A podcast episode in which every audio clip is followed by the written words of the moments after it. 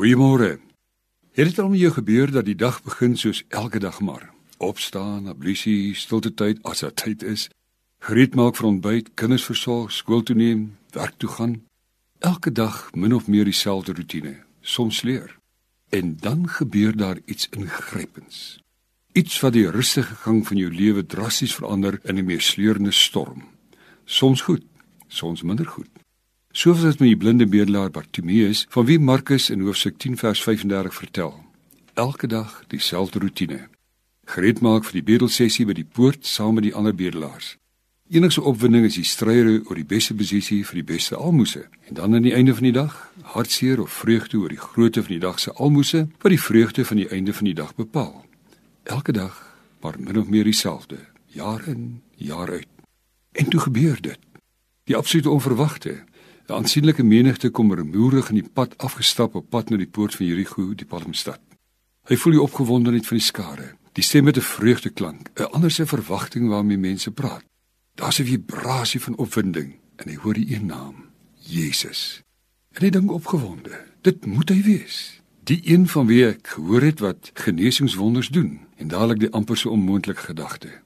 Hy kan my mos ook genees. En hy begeroep die belangrikste roep van sy lewe en die verrassende iets wat nog nooit vantevore gebeur het met 'n bedelaar nie.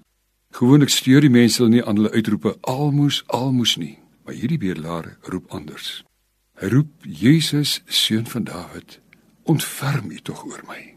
Die groep mense stop. Hy voel dit aan. Baie mense probeer hom stil maak, maar hy bly roep, seun van Dawid, ontferm U oor my. Jyne van die verhaal van daardie dag ken ons. Het die dag as 'n blinde bedelaar begin, maar as 'n verloste van sy blindheid as siende geëindig.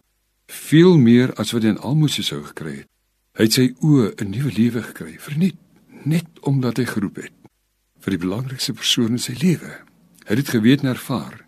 Dit is Jesus wat blinde oë weer siende maak. Hy het hom gevolg, sê Markus, later ook as hy gekruisigde en die opgestaande Heer. Het hy al 'n verskil in jou dag gemaak? Kan jy ook op hierdie dag sy dag op sy kop keer in jou lewe of het jy al op 'n roep, op 'n glo, op 'n vertrou dat hy ook jou lewenskoers kan verander?